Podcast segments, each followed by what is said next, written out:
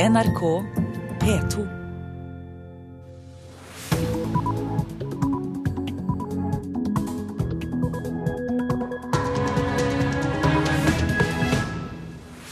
God morgen og velkommen til Nyhetsmorgen. Programleder i dag denne fredag 28. juni, det er Tor Albert Frøsland.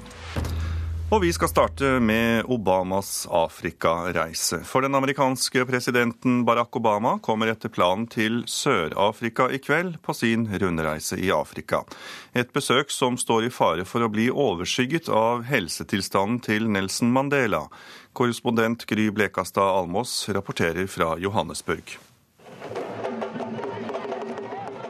I går ble Obama mottatt med begeistring i Senegal, det første landet av tre den amerikanske presidenten besøker i Afrika. I kveld reiser han videre til Sør-Afrika, der folket er langt mer opptatt av helsetilstanden til frigjøringshelten Nelson Mandela. So obviously our thoughts and prayers right now are with uh, the people of South Africa and more specifically the Mandela family. Uh, I will be traveling there uh, over the next uh, several days after I leave Senegal. He's a personal hero, uh, but I don't think I'm unique in that regard. Uh, I think he's a hero for the world. Obama har sagt at han vil besøke Mandela på sykehuset der han har vært innlagt i tre uker, hvis familien til Mandela ønsker det. På planen står bilaterale møter med president Jacob Zuma og et besøk på universitetet i Johannesburg, som ligger i Sovjeto, der Mandela tidligere bodde. Obama skal også til Cape Town før han reiser videre til Tanzania. Bare én gang tidligere har den halvt afrikanske presidenten besøkt Afrika som president. Da var han i Ghana i mindre enn én dag. Afrikanere har vært skuffet over det manglende engasjementet, forteller forretningsmannen Mo Ibrahim til BBC. and, uh, and, and we think Obama is, is our boy, is our son. Denne gang tar sønnen av Afrika seg bedre tid, men han reiser ikke til farens hjemland Kenya, til stor skuffelse der. Ifølge en talsmann for presidenten er det fordi anklagene mot den kenyanske presidenten Uhuru Kenyatta for å ha medvirket til å starte voldelige opptøyer i landet, gjort det umulig for Obama å besøke landet.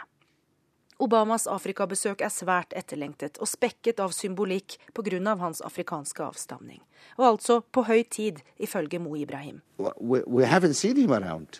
Uh, I think really is not question about aid or money. It's a, it's a question about engagement. He has a lot to offer our leaders and to offer counseling our leaders is important. And people will listen to somebody like Obama. Mens Sør-Afrika forbereder seg på helgens amerikanske presidentbesøk, forbereder folket her seg på helt andre og langt tristere nyheter. Gry Blekastad Almås, Johannesburg. Norsk politikk nå. Siv Jensen vurderer en egen regjeringsplattform foran valget. Jensen er lei av at Høyre avblåser Frp-politikk. Hun vil vise velgerne at Frp setter makt bak konkrete krav. Derfor snakkes det om å lansere en helt egen regjeringsplattform med løfter for de første 100 dagene i regjering. Det er en interessant idé, rett og slett fordi det er en anledning for å konkretisere hva vi tror vi kan få gjennomført på kort tid. Ideen er fire år gammel, fra da Frp hadde 9 prosentpoeng større oppslutning enn i dag. Da lovet Frp å gjennomføre 101 tiltak på 100 dager i regjering. I 2009 var Siv Jensen opptatt av å garantere. Frp vil forandre Norge på 100 dager, vil bruke ubegrenset med penger for å få vekk helsekøene. Jeg kan garantere at vi kommer til å instruere helseforetakene om å ta i bruk ledig kapasitet hos private. Jeg kan garantere at vi kommer til å bruke de fullmaktene en regjering har for å stramme inn i asylpolitikken fjerne arveavgift og stoppe all bompengeinnkreving fra 1.1.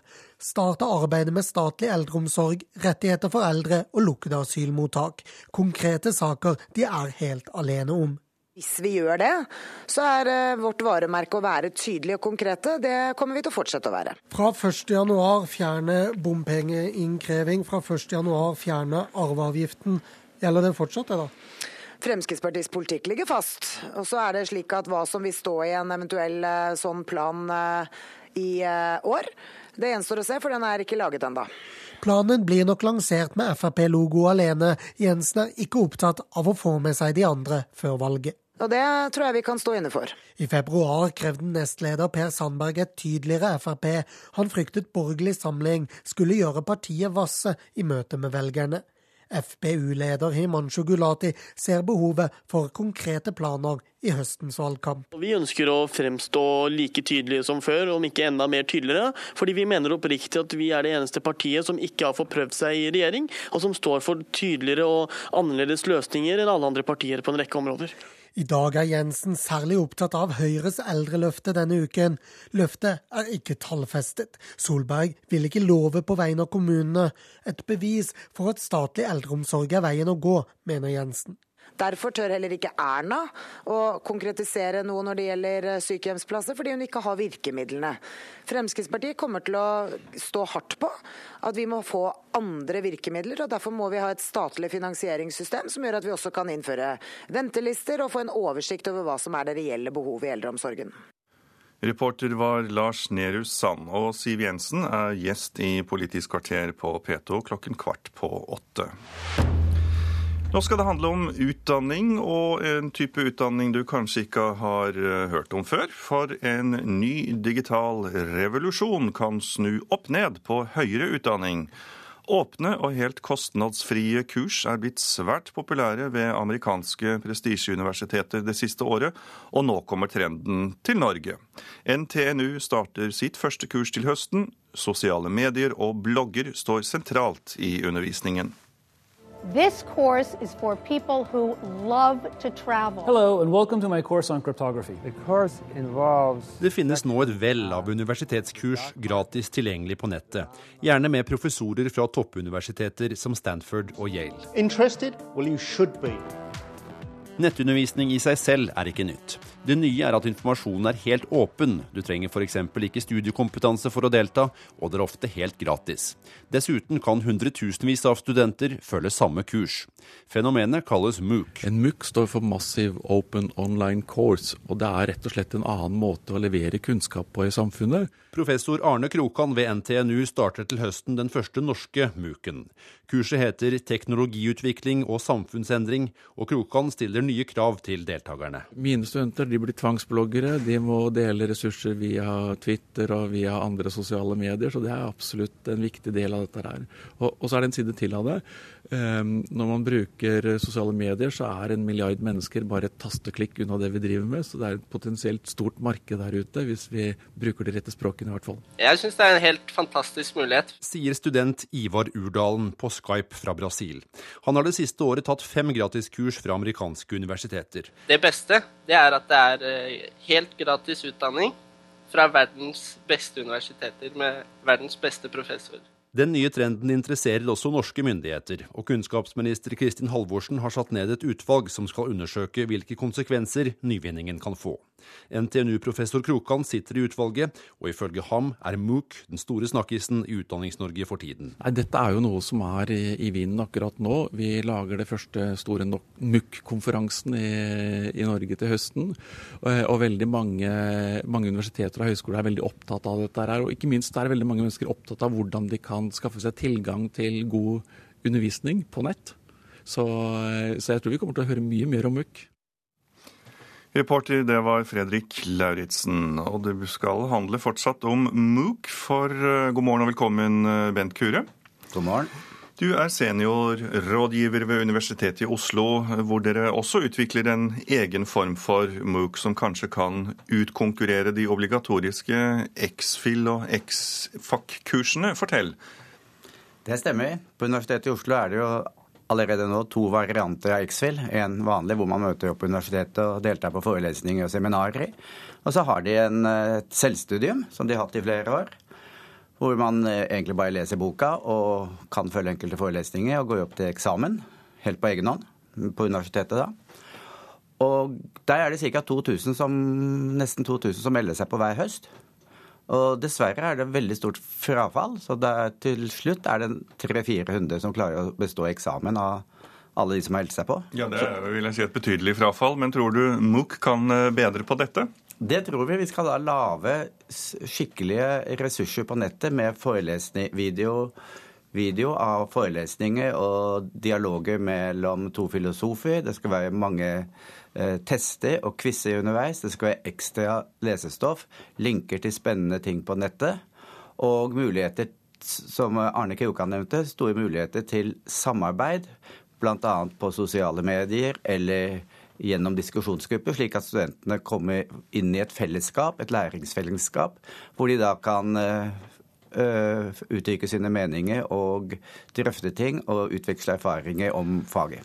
Dette høres jo både vel og bra ut, og jeg vil si kanskje en smule spennende også. Men, men hva med pedagogikken når læringsarenaene endres så drastisk? Ja, Det er det som er det spennende. At dette konseptet med MOOC inneholder en del pedagogiske metoder og fenomen som vi håper vi kan dra nytte av i tradisjonell undervisning på universitetet. Og eh, pedagogikken endrer seg jo ikke. Det er ikke noe veldig nytt med dette her. Det er rett og slett bare å lage strukturerte opplegg, slik at dette selvstudium blir uh, funksjonelt for studentene. At, de blir, blir tilret, at det blir tilrettelagt som et strukturert kurs, hvor de blir drevet igjennom uke for uke. Uh, vi hørte jo her i innslaget om fordelene med disse kursene, men uh, finnes det ulemper eller utfordringer? Det finnes en rekke utfordringer, det gjør det.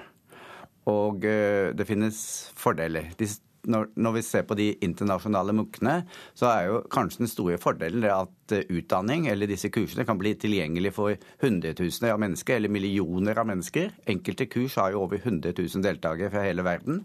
Og dette er gratis og gir jo en fantastisk mulighet, kanskje ikke mest for folk i Norge, men kanskje mer for folk i, i den fattige delen av verden, til å få kunnskap som de trenger. Helt gratis er det vel ikke, for skal du ha vitnemål, så må du vel betale litt? Det er etter hvert, De som lager disse kursene, har jo laget en finansieringsmodell hvor de må få inntekter. Og en av måtene å få inntekter på er at hvis du vil ha et, ha et, eh, diplom eller et form for et vitnemål, så må du betale for det. Takk skal du ha, seniorrådgiver ved Universitetet i Oslo, Bent Kure.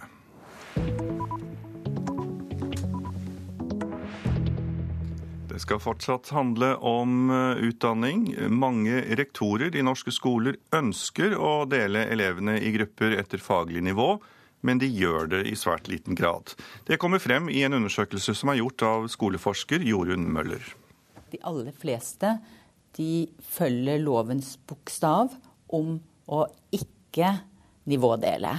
Men når vi spør om hva de syns er ønskelig, så blir bildet langt mer variert. Det er mange som ønsker å nivådele. 51 for å være presis, av rektorene i et utvalg Møller har spurt.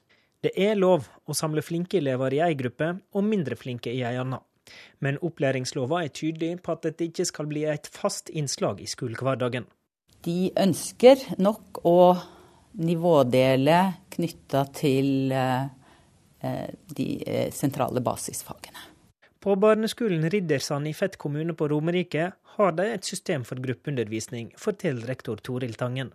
Vi parallellegger undervisningen på hele skolen, sånn at det foregår samtidig kurs for alle elevene på samme tid. I norsk, i matematikk, i engelsk. Sånn at da får elevene gå på det kurset hvor de lærer best. Hun mener det gir best undervisning. Nei, fordi at vi mener helt klart at vi imøtekommer elevenes eh, krav til og rettighet på tilpassa opplæring på en bedre måte enn om vi skulle ha det i eh, full klasse med en lærer. Kunnskapsminister Kristin Halvorsen varsla i mars mer tilsyn med den økende bruken av nivådelt undervisning. Eh, og vi ønsker å følge bedre med på hvordan skolene og kommunene praktiserer dette. Jeg lærer mye bedre når vi er i mestringsgrupper enn i vanlige klasser. Det sa en av elevene ved Oslo-skolen Kastellet til NRK tidligere i år. Da kom det ei prinsippavklaring fra Utdanningsdirektoratet om at praksisen med såkalla meistringsgrupper på Kastellet var lovlig. Men det var det en viss tvil om. Fylkesmannen og direktoratet hadde ulike syn på hva som var lov. Undersøkinga som forsker Jorunn Møller har gjort nå, viser at rektorer ønsker å være på rett side av lova. Skoleledere er lojale overfor statlig styring i stor grad. Samtidig så er jo disse rettslige standardene åpne for skjønn. Og eh, kanskje er det nødvendig at man i større grad diskuterer hvordan man fortolker opplæringsloven. Solveig Hvitsten Dahl, leder i Skolelederforbundet, tror mange rektorer er i tvil om hva som er lov. Jeg tror det er mye usikkerhet. Men dersom man ikke har permanente grupper, men uh, organiserer det innenfor kortere varighet, innenfor uh, små, avgrensa områder, så er det fullt mulig innenfor det lovverket vi har i dag. Reporter var Håvard Grønli. Du lytter til Nyhetsmorgen i NRK P2 og Alltid nyheter, og klokken har blitt 7.18, og dette er hovedsaken i nyhetene. Siv Jensen vurderer egen regjeringsplattform, lei av at Høyre avblåser Frp-politikk. Og som vi hørte, en ny digital revolusjon kan snu opp ned på høyere utdanning. En MOOC står for Massive Open Online Course, og det er rett og slett en annen måte å levere kunnskap på i samfunnet. Det sa professor Arne Krokan ved NTNU.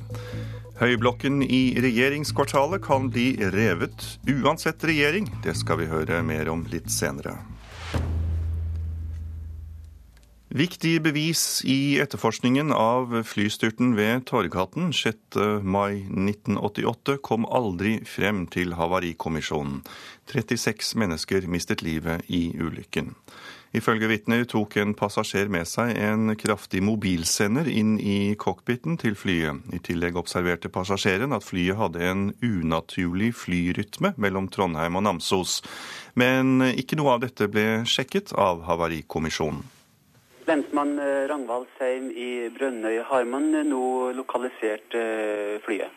Ja da, flyet er lokalisert. og den første... Ulykken ved Torghatten 6. mai 1988 fremstår fremdeles som et mysterium. Havarikommisjonen slo i 1989 fast at en feilvurdering fra flyets to piloter var årsaken til styrten. Men nå kan det vise seg at ikke all informasjon nådde frem til Havarikommisjonen. Arnfinn Grydeland, var med ulykkesflyet fra Trondheim til Namsos. Like foran meg, en par meter foran meg, så gikk det om bord en uh, voksen mann som bar med seg en av de her gamle bærbare mobiltelefonene, som en sånn 10-15 kilo. Han tok med seg telefonen videre inn i flyet og gikk foran og satte seg i cockpit sammen med flygerne og lukka døra. Stussa litt over det, for uh, i, i, min egen jobb si, så hadde vi jo slike telefoner, og uh, vi fikk jo da opp opplyst at det var forskjellige stråler med det her mobiltelefonene. Observasjonen til Grydland kan tyde på at en kraftig 15 watts sender var plassert rett ved flyets instrumenter i cockpiten. Han leverte to rapporter om sine observasjoner, der han fortalte om ujevn flyrytme mellom Trondheim og Namsos, og om mobiltelefonen i cockpiten. Jeg fikk da beskjed om å komme på eh, politistasjonen der jeg jobba, eller på lensmannskontoret der jeg jobba, og, og, skrive en detaljert rapport om akkurat det her. Og... Eh, Leder for Flyhavarikommisjonen i 1988, Wilhelm Mohr, fikk aldri høre om rapportene fra Grydeland. Nei, det kan jeg ikke huske. Mohr mener at dette er opplysninger som kommisjonen burde hatt tilgang til. Vel, vi vet jo fra sivil lufttrafikk at uh, man advarer mot uh, påslåtte mobiler og den slags ting. Og det er vel ikke uten grunn. Og Hovedredningssentralen i Bodø opplyser til NRK at heller ikke de mottok noen slik rapport. Havarikommisjonen skal nå granske arkivene for å vurdere om det er grunn til å gjenoppta saken. Reporter det var Øyvind Johan Hegstad og Signe Karin Hotvedt. Da skal vi titte litt på hva som står på noen av forsidene til avisene. 22. juli-dommen har alvorlige feil og mangler. Det hevder flere psykiatere og jurister som kritiserer Oslo tingrett i Aftenposten for å ha bommet i forståelsen av vrangforestillinger, og dermed også spørsmålet om tilregnelighet. Dagens Næringsliv kan fortelle oss om en megler som rådet nordmenn til å satse 800 millioner kroner i Kina. Det har betalt seg, for i det første nedsalget har de tidoblet innsatsen. VG advarer oss mot flyplassbander som robber oss mens vi venter på avgangen. Tyvene går etter håndbagasje, for det er der verdiene ligger. Og Dagbladet tar også for seg tyver som venter på ferierende nordmenn, og kan rett og slett fortelle oss hvordan vi blir robbet i ferien. Landets muslimske kulturminister Hadia Tajik tar et oppgjør med religiøse fordommer i Dagsavisen i dag. Ingen religiøse grupper skal bestemme hvilken legning du skal ha, sier ministeren, som fronter morgendagens homoparade i Oslo. Sang i lunsjen skal få ned sykefraværet. Regjeringen bruker 21 millioner kroner på å gi ansatte kultur i arbeidstiden. Men Kulturdepartementet innrømmer at det ikke finnes tall eller forskning som viser at kultur på jobben gir mindre fravær, skriver Bergenstidene. Nordmenn over 60 år har aldri hatt det så godt som nå, det kan Vårt Land fortelle oss. I snitt har de 2,8 millioner kroner i formue. Og staten har brukt 62 millioner kroner på et e-sporingsprosjekt for matvarer. Prosjektet havarerte pga. tekniske problemer, og Landbruksdepartementet har, gått, har inngått forlik med IT-selskapet Evry. Da skal vi høre om eh, Høyblokken, for ingen av partiene på Stortinget er avvisende til at Høyblokken i regjeringskvartalet kan bli revet. I går fikk regjeringen en rapport som konkluderte med at det vil være bedre og billigere å rive og bygge nytt enn å bevare blokken. Det der er det Erling Viksjø selv som har um, gjort. Uh, og mønsteret på søylene inne er det også han som har gjort. Og så er det Inger Sitter og mange andre som er pluss Picasso som har bidratt her. Seniorkurator Ulf Grønvoll ved Nasjonalmuseet viser hvordan kunsten og arkitekturen i høgblokka i regjeringskvartalet henger sammen. Han mener det vil være galt om bygninga skulle bli rive. Det som utredningen sier, er at man kan godt bevare høyblokken, men det har sin kostnad. Så det er et, i grunn et ganske enkelt valg om vi da skal vurdere de kulturhistoriske, arkitekturhistoriske verdier som Høyblokken representerer, mot den summen som det koster å gjøre den til en hensiktsmessig og praktisk kontorbygning. Eh, og det syns jeg man skal gjøre. I går fikk regjeringa en rapport om hvordan framtidas regjeringskvartal bør se ut. Her blir politikerne bl.a. rådd til å rive Høgblokka og tre andre bygg, fordi bevaring vil bli langt dyrere enn å rive og bygge nytt. Et fornuftig forslag, mener Morten Ørsal Johansen fra Frp. Nei, sånn eh, Rent personlig så, så syns jeg dette høres eh, ut som eh, et godt forslag i, i utgangspunktet. Det er store kostnader forbundet med, med gjenbruk, og du vil få et mer tidsriktig og godt eller gode bygg hvis du bygger nytt. Ingen av de andre partiene på Stortinget vil heller avvise at riving kan bli aktuelt. Ranveig Kvifte Andresen fra SV sier de vil drøfte saka internt i partiet, men at økonomi vil være viktig. Det er viktig å få vare på bygg fra ulike tidsepoker. Og der har jo Høyblokka vært ett bygg som man har sett på som viktig å ta vare på. Men hvis omkostningene blir altfor store, så må vi jo se eh, hvilke andre muligheter som finnes. Seniorkurator Ulf Grønvold ved Nasjonalmuseet mener Høgblokka med sin arkitektur og integrerte kunst har en egen verdi, og håper derfor politikerne ikke bare ser på prislappen. Jeg vet ikke om politikerne egentlig har tatt inn over seg eh, det at problemstillingen er så enkel at det egentlig er snakk om noen hundre millioner i differanse mellom å bevare og integrere høyblokken og ikke gjøre det. Eh, jeg tror at den, eh, det enkle valget må synke inn, og så tror jeg nok kanskje stemningen kan komme til å snu seg. Reporter var Espen Alnes.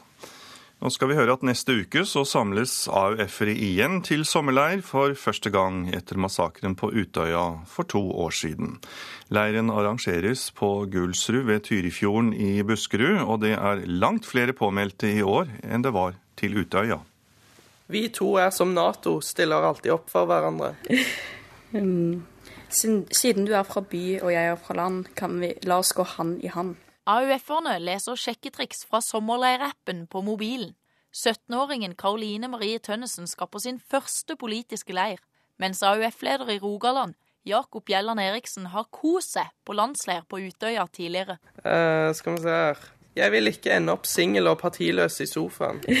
Tror du Jakob får bruk for disse sjekketriksene? Han er jo en sjarmør i seg sjøl, så jeg vet ikke om han trenger sjekketriksene, men eh, de kommer nok hendig til under speeddatingen for mange.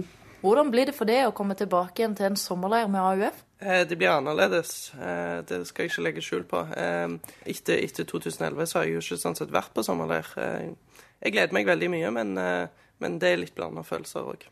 Eskil Pedersen syns også det skal bli godt å endelig dra på sommerleir igjen.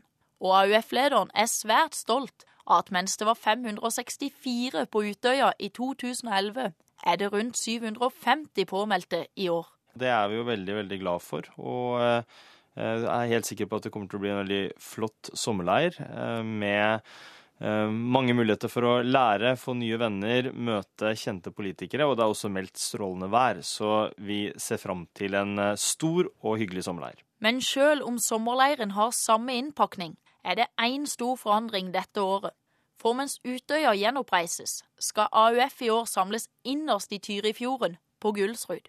Jeg tror at sommerleirfølelsen den eh, kommer nok fram uansett. Det er klart at for alle som har vært på Utøya gjennom mange år og lært det stedet å kjenne, eh, så er det jo mange heldigvis også gode minner fra det stedet. Eh, men eh, samtidig så eh, kommer vi til å, jeg er helt sikker på, til å ha en sommerleir med fokus på både politikk, men også alt det andre, det sosiale. Og det kan vi helt klart gjøre på en flott måte også på Gulsrud.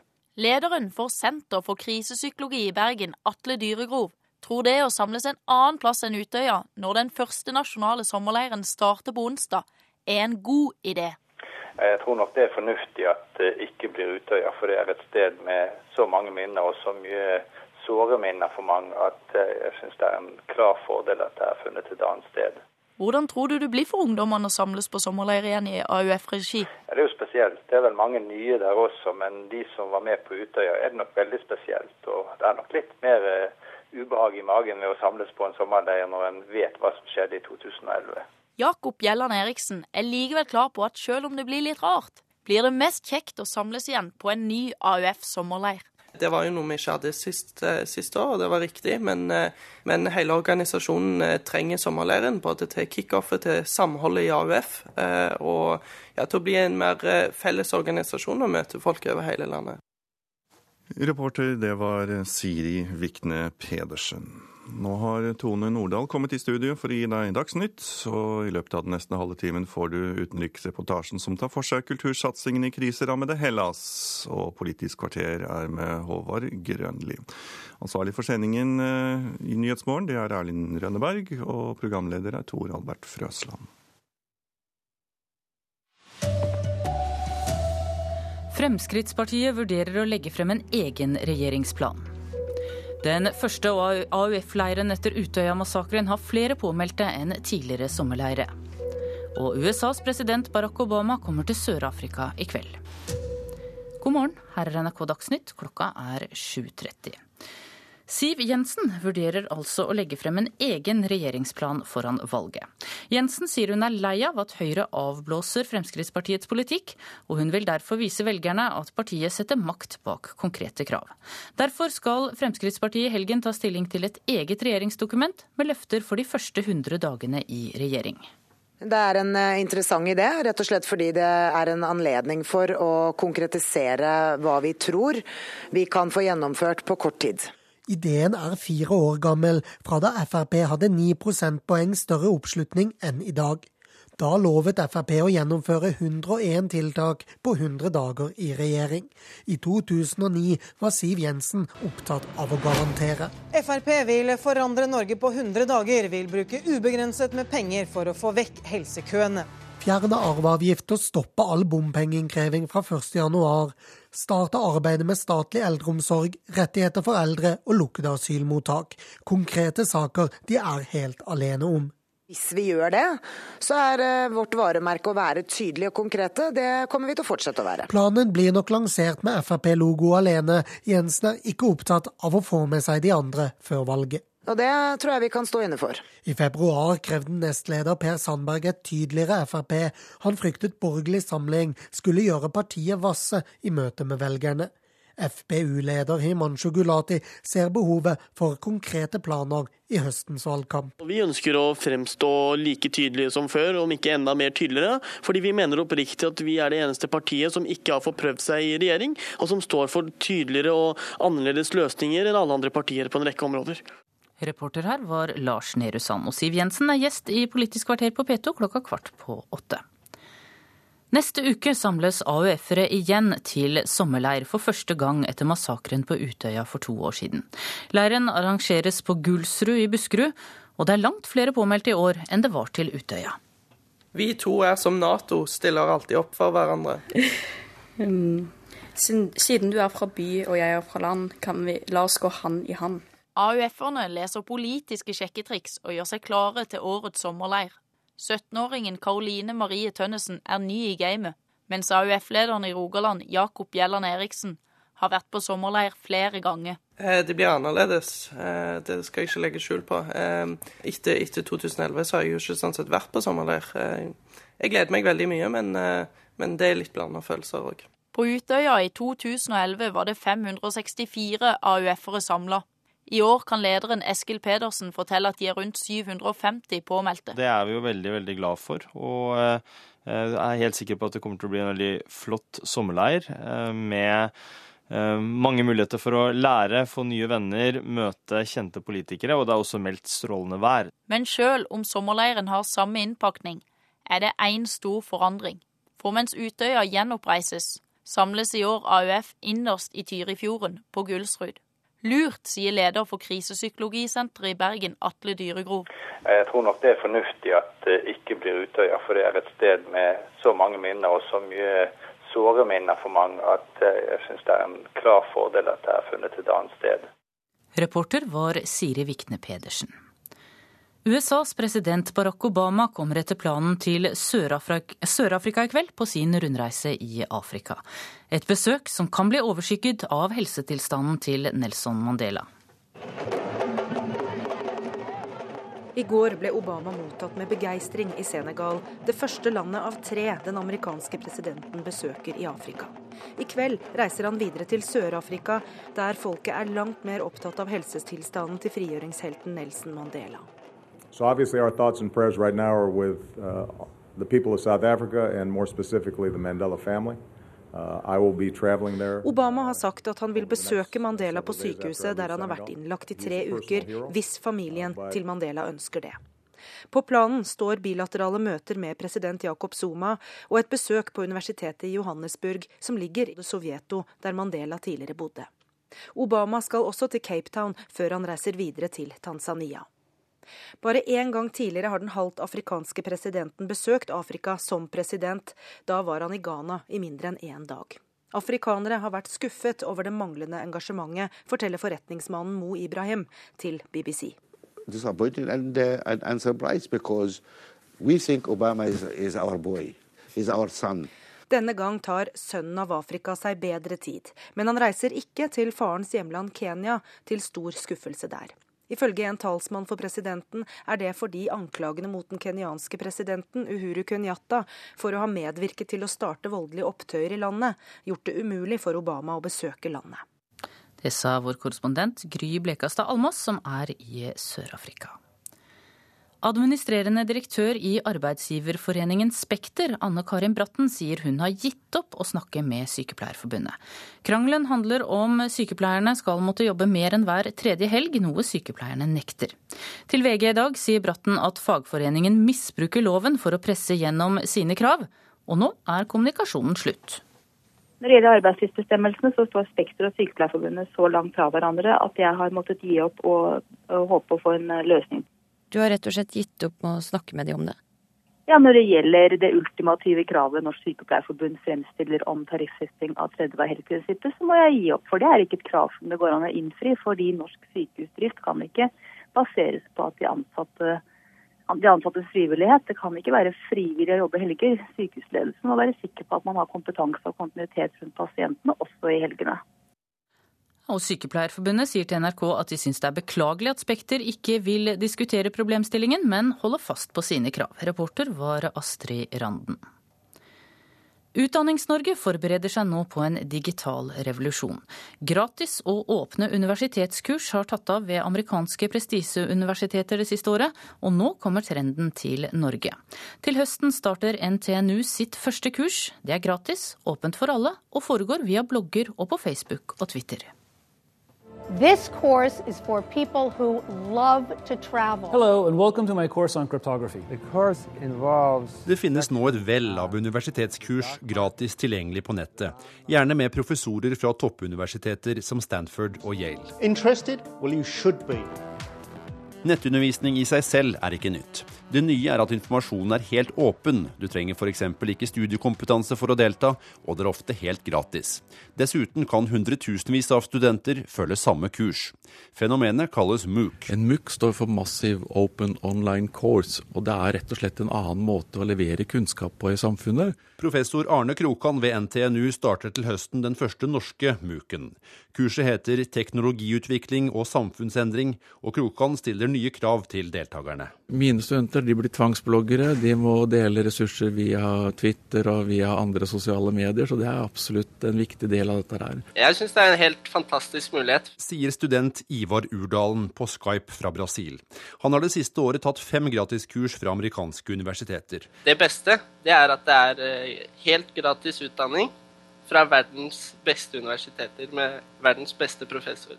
Den nye trenden interesserer også norske myndigheter, og kunnskapsminister Kristin Halvorsen har satt ned et utvalg som skal undersøke hvilke konsekvenser nyvinningen kan få. Det sa reporter Fredrik Lauritzen.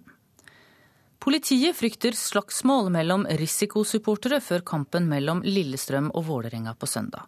Politiet ser en trend der såkalte ultrassupportere blir jaget vekk fra lokale puber før kamper i Oslo-området. Det forteller Ola Moheim i Oslo-politiet. Vi har hatt en god del hendelser i år. Det er stort sett slik at det er de kampene som går, går att fra år til år, som er, som er utfordringa. Og nå kan det bli enda verre. I går ble det kommende oppgjøret mellom Lillestrøm og Vålerenga kanskje enda mer anspent etter hærverk på statuen av Tom Lund. Tidligere har Halvard Askildsrud ved Romerike politidistrikt fortalt NRK at de er bekymret foran oppgjøret. Vi har jo en dårlig historie på de kampene, og vi må bare forberede oss godt nok, så vi er litt bekymra. I tillegg har det spesielt i Oslo og omegn utviklet seg en ny trend.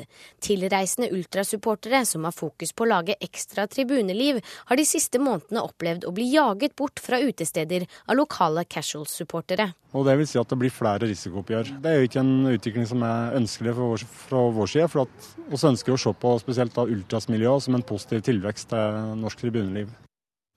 Reporter i dette innslaget var Emilie Hall Torp. Ansvarlig for Dagsnytt-sendingene denne morgenen er Erlend Rønneberg. Det tekniske ansvaret har Hans Ole Hummelvold. I studio Tone Nordahl.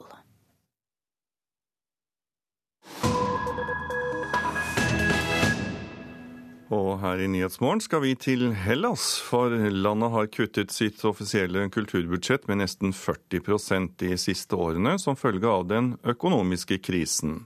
Likevel bygges det nå en flunkende ny opera og et flunkende nytt nasjonalbibliotek i hovedstaden Aten til over fire milliarder kroner. Regningen den tar en avdød shippingmilliardær. It's probably the biggest uh, construction site in Greece. Prosjektleder Theodor Maravelias er tydelig stolt der han kjører rundt på det han mener er den største byggeplassen i hele Hellas for tiden. Det er ennå lite som avslører hva armeringsjern og fundamenter på den 240 000 kvadratmeter store byggeplassen sør for sentrum av Aten til slutt skal bli. Men om tre år skal alt stå klart. Og lyden av gravemaskiner og sveiseapparater byttes ut med noe helt annet.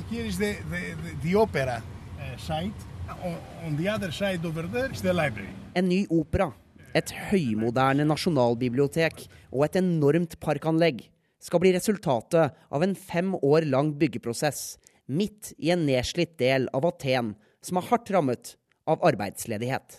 Og prislappen, midt i disse krisetider, 566 millioner euro eller 4,5 milliarder kroner. Men det hele er en gave til den greske stat fra en avdød shippingmilliardær. Stavros Niarkos var en av verdens rikeste shippingmoguler, og erkerivalen til landsmann Aristoteles Onassis. Da han døde i 1996, etterlot Niarkos seg en enorm formue, som gikk inn i stiftelsen som bar navnet hans. Kultursenteret som nå bygges, skal også kalles opp etter Niarkos. Og Lenia Vlaviano mener stiftelsen må fylle et stort tomrom etter staten i det kulturelle Hellas. Well, the economic crisis has uh, hugely affected culture and arts, and uh, unfortunately, when economic strike, I kriser er det dessverre kulturen som alltid må lide først. Vårt mål er å ikke bremse ned på våre kulturprogrammer, til tross for at vi nå bruker store penger også på grunnleggende sosiale tiltak som utdanning og helse, forteller Lenya Vlavianou fra Stavros Niarkos-stiftelsen her i Aten. This place will become in Athens a, a place of discovery, place of exploration. It's fantastic. Det er den verdensberømte italienske arkitekten Renzo Piano som vant konkurransen om å bygge den nye operaen og Nasjonalbiblioteket. Når man kommer fra nord, vil man gå en slak bakke opp gjennom den grønne Middelhavsparken. Og plutselig står man på taket av operaen, med utsikt mot havet i syd og Akropolis i nord. Når bygget overleveres i 2016, vil Stavros Niarkos-stiftelsen trekke seg tilbake og overlate driften til den greske staten. En stat som på avisforsider og TV-sendinger verden over de siste årene har blitt omtalt som lite annet enn gjennomkorrupt og elendig drevet. Men Lenia Vlavianou er ikke bekymret for hva som vil skje når nøkkelen overrekkes og senteret skal tas i bruk.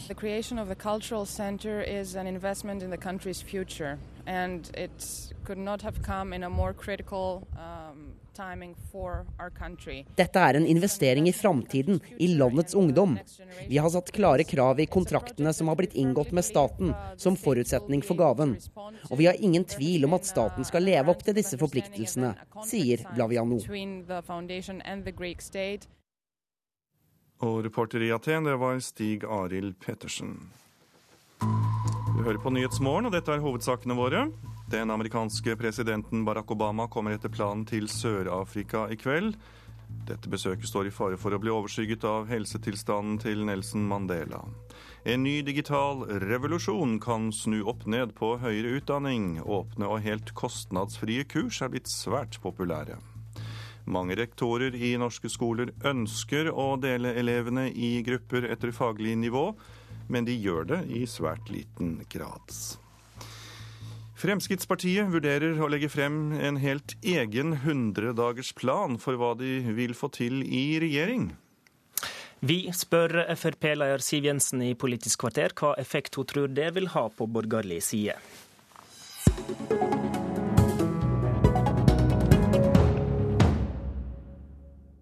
Siv Jensen er med oss i Politisk kvarter fra Kristiansand, der partiet oppsummerer det politiske året og har sin valgcamp.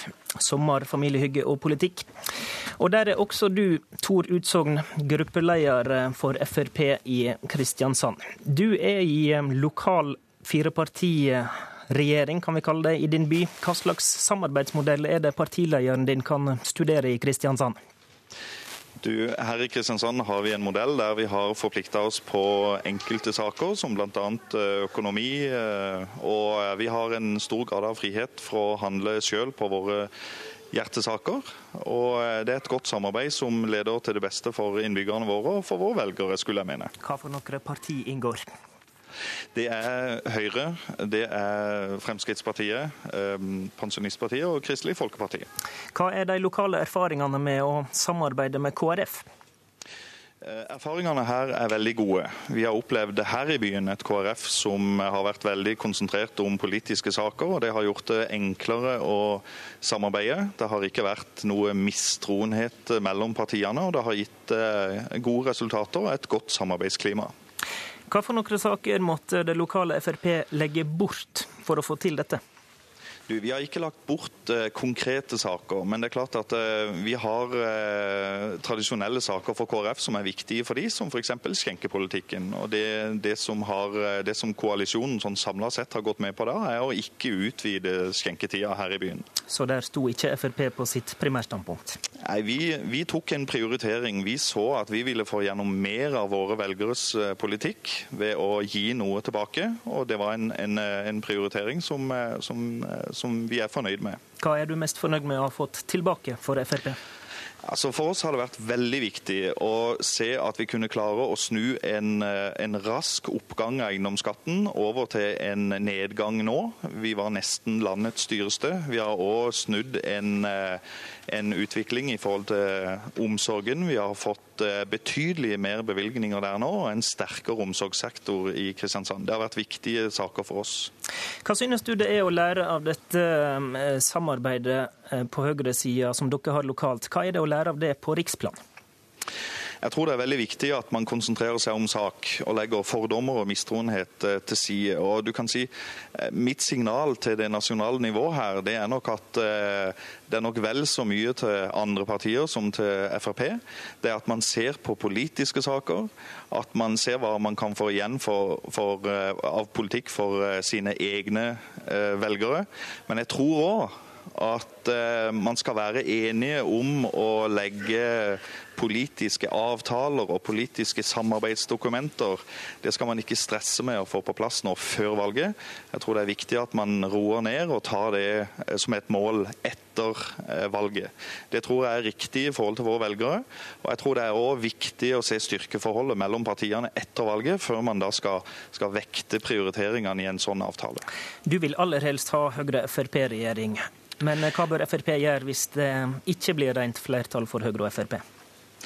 Det, det, er viktig å si at en Høyre- og Frp-regjering det er i hvert fall mitt primære ønske. Skal vi ha andre partier, så syns jeg jo KrF ligger eh, som en god kandidat. Og det er ønskelig å ha de med hvis ikke vi, eh, hvis ikke vi kan, eh, kan, klare oss uten. Men jeg syns at KrF bør tone kanskje et enda litt mer tydelig borgerlig flagg. Jeg tror det gir godt resonnement i deres velgermasse.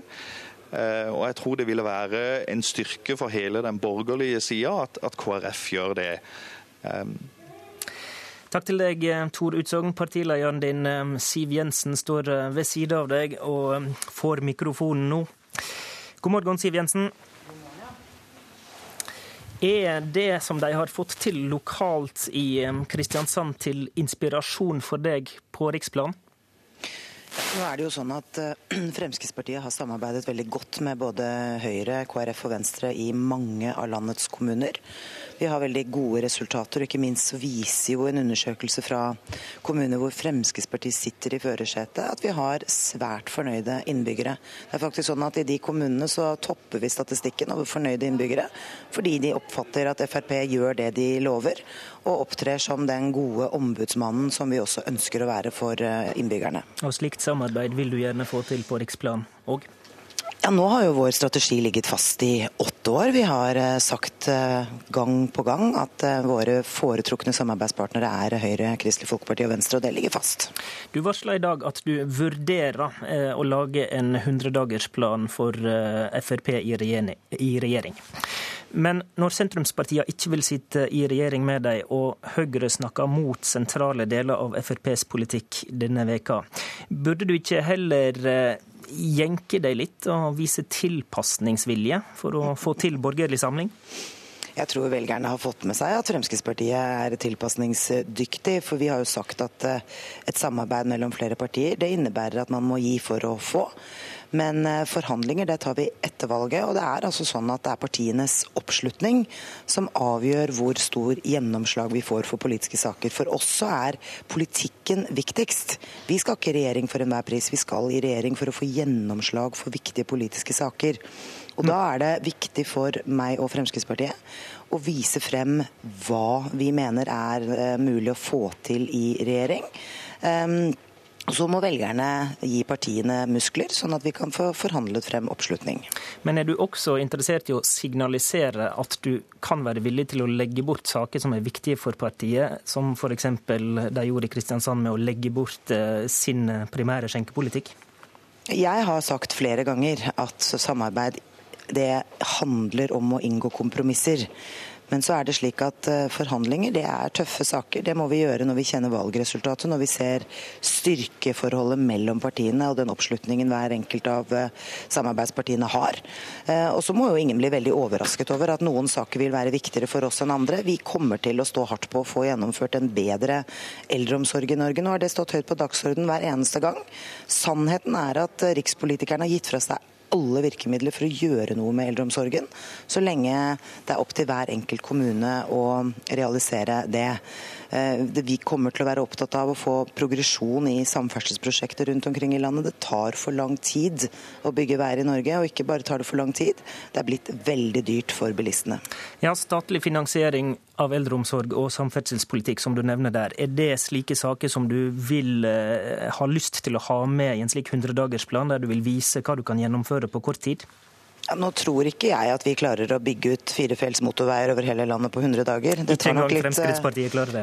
Selv ikke vi klarer det. Det tar nok litt lengre tid enn det. Men en såkalt 100-dagersplan vil jo i så fall handle om å vise frem en del endringer man kan gjøre på kort sikt, som kommer til å merkes for velgerne. Men det skal vårt valgkamputvalg ta stilling til, og det har vi ikke avklart ennå. Hva tror du effekten vil være på høyresida hvis du legger fram en slik 100-dagersplan? Hele poenget med å være tydelig på politiske løsninger er å skape begeistring hos velgerne. Og det er altså sånn at det er velgerne som avgjør kraften i en ny ikke-sosialistisk regjering. Jeg syns vi ser det veldig tydelig om dagen. Et Høyre som har blitt mer og mer lik Arbeiderpartiet. Eh, og tror jeg veldig mange velgere vet at det er Fremskrittspartiet som kommer til å være den dynamiske kraften i et ikke-sosialistisk samarbeid. Og Da er det viktig for meg å vise frem at det er mulig å gjøre betydelige endringer både på kort og på lang sikt. Men er en slik plan verdt noe hvis du fokuserer på saker som Frp står alene om? Jeg tror vi kommer til å kunne legge frem, i så fall, hvis vi gjør det, en, eh, sak, en plan som både handler om rene Frp-saker og saker hvor vi over tid har blitt mer og mer enige med de andre borgerlige partiene. Og Jeg har lyst til å understreke det. Gjennom flere år i Stortinget så har de fire ikke-sosialistiske partiene vist at vi samarbeider godt, og at vi klarer å legge frem mye felles politikk. Men så er det noe som skiller oss fra hverandre. Og det er jo i grunnen her velgerne skal si sitt, gjennom å gi partiene oppslutning. KrF-leder Knut Arild Hareide har understreka mange ganger at han ikke eh, primært ønsker å sitte i regjering med deg. Eh, og han sa denne veka at ei blå-blå regjering er ikke han mer begeistra for enn ei rød-grønn. Har du tillit til at KrF eh, og Venstre sin lovnad om å sette inn ei ny regjering er en varig lovnad, eller er du redd for at de kan snu seg mot Ap i en gitt situasjon? Jeg har et veldig godt forhold til Knut Arild Hareide og Trine Skei Grande, og jeg velger å tro på det de sier. Det ville vært veldig rart hvis jeg ikke trodde på dem, for å si det sånn. Burde du eh, gjøre noe for å vise at du går i, i deres retning, for å forhindre at de eventuelt bytter side? Det gjør vi jo hver eneste dag, og jeg merket meg jo da Venstre og Trine Skei Grande hadde sin oppsummerende pressekonferanse, så var det altså Fremskrittspartiet hun fremhevet som det partiet som hadde støttet flest av Venstres forslag. Så forskjellen er nok ikke så stor når det kommer til stykket. Og når det er Fremskrittspartiet og ikke Høyre og KrF som har støttet flest av Venstres forslag, så viser jo det med all tydelighet at vi trekker i samme retning. Og så har det også vært en polemikk mellom deg og Erna Solberg denne veka er din oppleving at eh, Erna Solberg avlyser saker som helt avgjørende for ditt parti å få gjennomført? Hun har ikke brukt eh, det ordet på noen som helst måte. Nei, jeg spør, spør har... om din oppleving av det. Nei, jeg har bare vært helt tydelig på at Fremskrittspartiet kommer til å stå hardt på sine politiske løsninger, og at alt skal forhandles om ved et eventuelt regjeringsskifte etter valget. Og Det tror jeg er en helt ryddig og ærlig opplevd sak. Ingen må bli veldig overrasket over at vi vil erstatte en firkantet handlingsregel med sunn fornuft, som handler om å skille tydeligere mellom investering og drift. Det betyr ikke at vi vil bruke mest mulig penger, det betyr at vi vil bruke pengene riktigst mulig. Takk til eh, Siv Jensen med oss eh, fra Kristiansand, der partiet har sin valgcamp.